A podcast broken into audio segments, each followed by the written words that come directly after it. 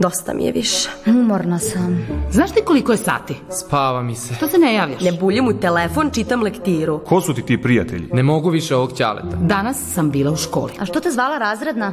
Kažnjena si. E, a ko je ona sad pa da mi zabrani da izlazim? Ma ništa mi nije zanimljivo. Nosit ćeš ti meni A džakove. ne mogu više ovo da izdržim. Da nije ta suknja prekratka? Meni se tako sviđa. Na šta ličiš? Pa mi fali. Znači, kako smar. Sredi taj haos u sobi više. O ne, opet počinju.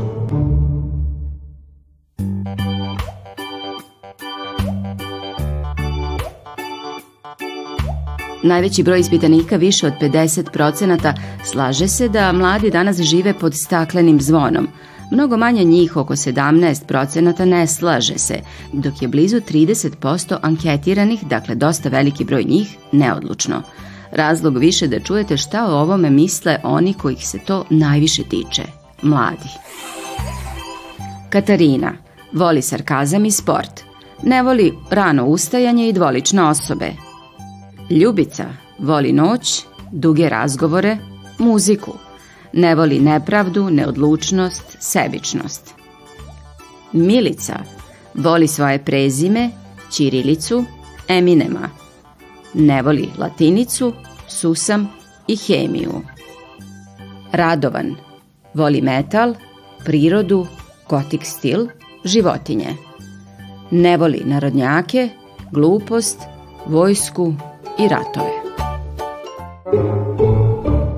Koliko izreka zapravo znamo, a da uopšte ne znamo šta znače. Evo kao na primer, živiš kao pod staklenim zvonom. Šta to uopšte predstavlja? Može da bude kada ste odrasli u kući gde su bili strogi roditelji i onda niste imali dovoljno slobode ili pravo na sobstveni izbor. Ili ste bili prezaštićeni. A šta vi mislite? Da li vi živite pod staklenim zvonom? Jel živimo pod staklenim zvonom?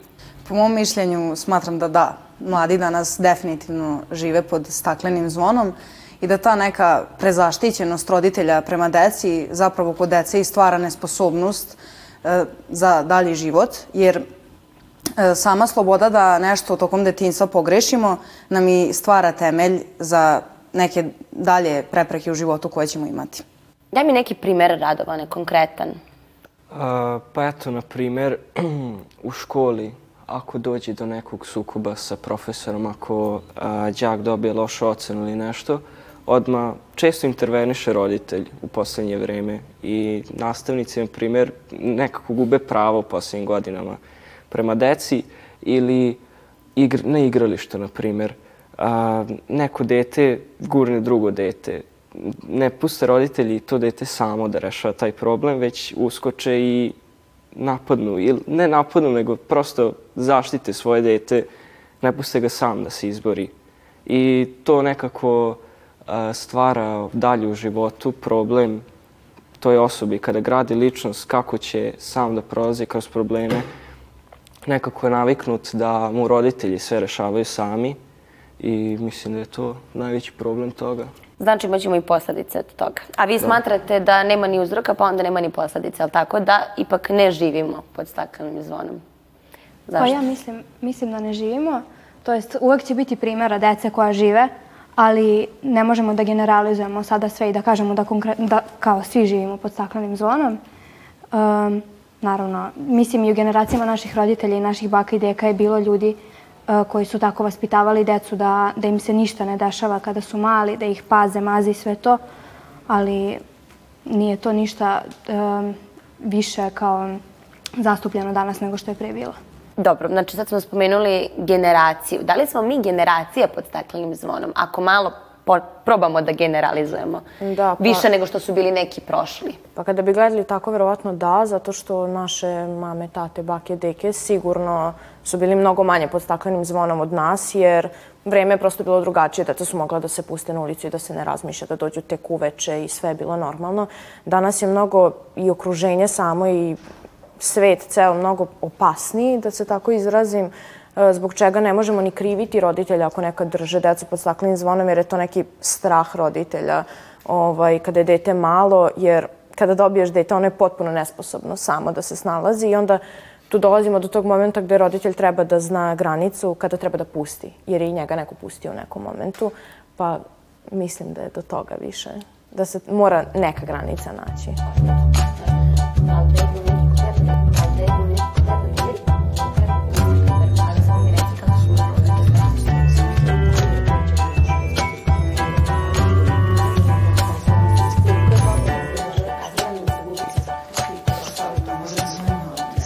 Sada smo smislili zajedničkim snagama pitanja jedni za druge, da probamo da isprovociramo te stavove i da vidimo koliko mi zapravo živimo pod staklenim zvonom.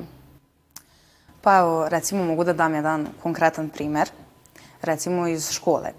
Kada se dvoje, kako kažem, na primer dve drugarice iz odeljenja posvađaju i jedna od njih pozove roditelje, a roditelj naravno dođe u školu. Umesto da je, da su uzele i sele jedna sa drugom i popričale, ej, šta to nije u redu u našem odnosu, zašto si ti mene napala, zašto je došlo uopšte do konflikta. Zovu se roditelji i samim tim smo stavili do znanja da smo nesposobni da se izborimo sami za sebe. I smatramo da će nam roditelji rešavati probleme, što će zapravo ostaviti posledice, jer kasnije kada treba da se zaposlimo, kad budemo radili na poslu, sigurno će se dešavati sukobi i često se u životnim situacijama i dešavaju sukobi i tada ćemo jednostavno biti nesposobni i nećemo imati izbora kako da rešimo neki problem. A pitanje je? Pa, m, pitanje da, da li je u redu e, zvati, recimo u toj situaciji, roditelja da pomogne ili sami treba da uzmemo i da rešimo problem? Pa ja smatram da je bolje sam rešiti problem da bi izgradio pre svega sebe kao karakter, jer ako tako mali ne možeš da se izboriš i ne naučiš da se izboriš sa tako sitnim problemom, šta ćeš raditi jednog dana kad bude nešto veće? Ovaj, recimo, ako te odbiju za posao, nećeš sigurno sesti kući i nikad više ne probati ponovo. Ovaj, tako da smatram da je bolje i da uglavnom ni ne zovu se roditelji toliko često za sve, jer mislim da danas smo i naučeni da malo više rešavamo sami probleme, ali ne znam šta. A čekajte, vi mislite da će to dete, da će ta mlada osoba pozvati roditelje ili mi ovde pričamo o napadnim roditeljima ili manje napadnim roditeljima koji su prezaštićeno nastrojeni prema svom detetu. Naprimer, desi se tako neka situacija u školi i ja neću da mi mama dođe u školu nikako jer sam svesna da mogu sama da rešim problem, ali mama čula i baš hoće da dođe. Šta onda reći toj mami ili tom tati?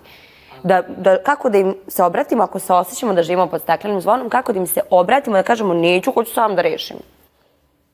Pa mislim, često ako se desi konflikt konflikt u školi, sam profesor, razredni starešina zove roditelje. Dobro, dobro.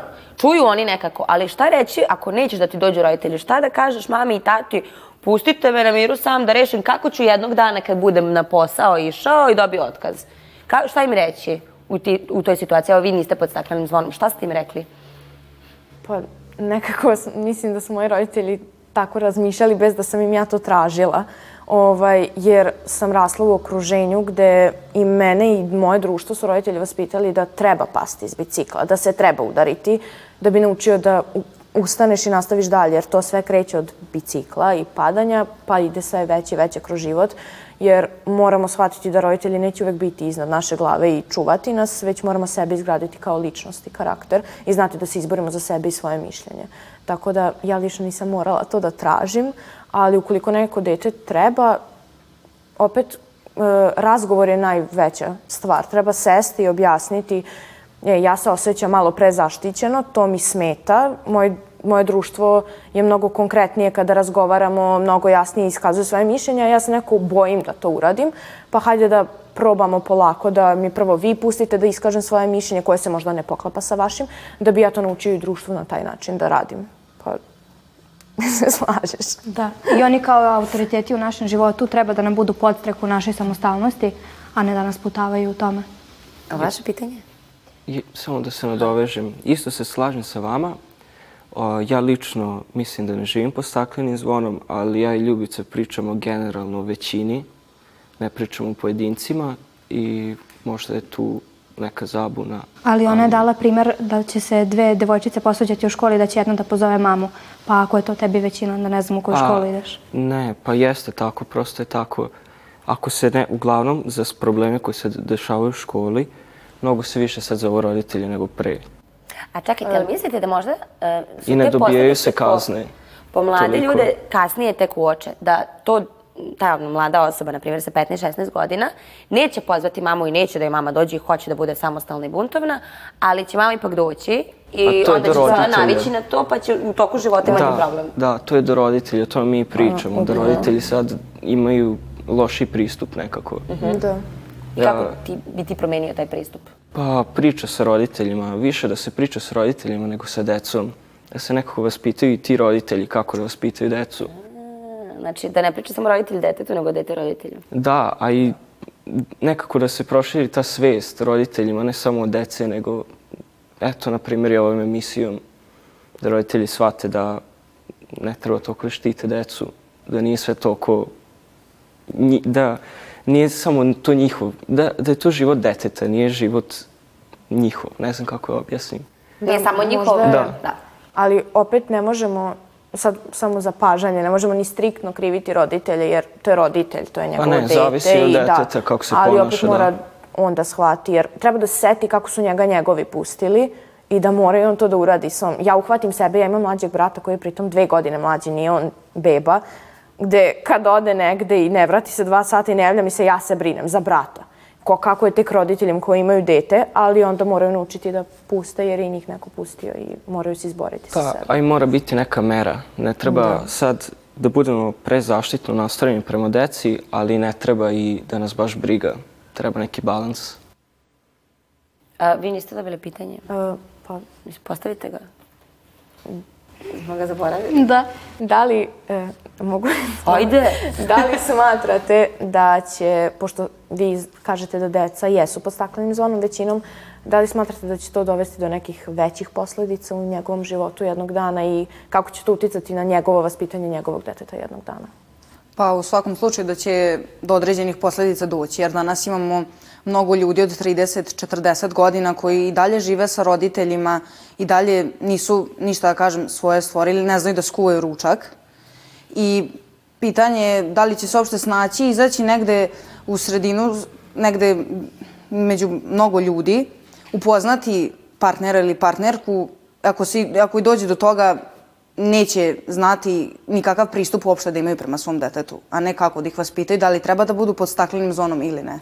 Ali mi ovdje pričamo o tome da mlađi danas žive po staklenim zonama. Ti si navela primjer osoba od 30-40 godina. A što pitala, mislim, je pos, pisala- pitala je posledicu. Da. Kako posledice se što iskaže znači da su i generacije pre nas živele po staklenim zonom. Da. Znači ne žive samo danas. Da, ali ne u tolikoj meri koliko danas. Ali kako kad onda ima toliko tih koji nisu oženjeni, koji nisu udati, koji Možda ne znaju da. Pa nismo Ali bit će ih više. Moje mišljenje je u svakom slučaju smatram da će ih biti sve više. Dobro, mislim da smo sada sa svim ovim što smo izneli spremni da dođemo i do nekog zajedničkog zaključka. Čini mi se da smo sada apsolvirali da je loše živeti pod staklenim zvonom. Pa hajde da dođemo do nekog rešenja i da vidimo kako da pomognemo onima koji žive i kako da se protiv toga bore, a da ovi koji ne žive u tome još više uživaju. Pa oni koji žive pod staklenim zvonom, odnosno pod staklenim zvonom živeti je ekstrem i ako i dete samo primeti da su njegovi roditelji preza, prezaštitnički nastrojeni e, prema njemu, to se najbolje rešava razgovorom. Otvorenim razgovorom sa roditeljima, da nemamo problem da, da im kažemo mama i tata, ja večeras želim da izađem u grad i da oni kažu nama u redu, javlja se na telefon, kada te pozovemo, dođi kada misliš da treba, dođi u određeno vreme kada smo se dogovorili i da je tim dogovorom sve rešeno. I takođe a, da pokažemo roditeljima da smo odgovorni, da se oni osjećaju bezbedno za nas i da nas puštaju da radimo više stvari nego što nas puštali ranije. A, na taj način a, sklanjamo to stakleno zvono ako se nalazimo pod njim, a isto to treba da radimo iako nismo pod staklenim zvonom, da ne bi bili kasnije. Dobro, a je li to stakleno zvono, to jest ne živeti pod staklenim zvonom podrazumeva da se roditelji o nama ne brinu? Ne, naravno. Merano. Ovaj, Nego? Samo treba neka, neka doza toga u normalu da bude, da sad ne ispadne da smo napali jedne i druge tipove roditelja. Uh, ja smatram da je u redu da su oba u redu dok su u granicama normale. Samo dok se ne ide u ekstrem ni jednog ni drugog. Jer ne treba dete ni potpuno pustiti jer to može opet dovesti do nekih posledica, a ne treba ga ni previše ni prezaštititi. Dakle, dok god postoji neki balans, ni jedno ni drugo nije striktno loše. Naravno, postoje situacije u kojima treba ovaj, malo više voditi računa o bezbednosti i sigurnosti deteta, mislim, i kroz odrastanje, a zapravo i kad postane odrastao čovjek, roditelji ceo život brinu o nama nekako, ali nikad ne treba baš biti toliko ekstreman u tome zato što će biti veliki posledica.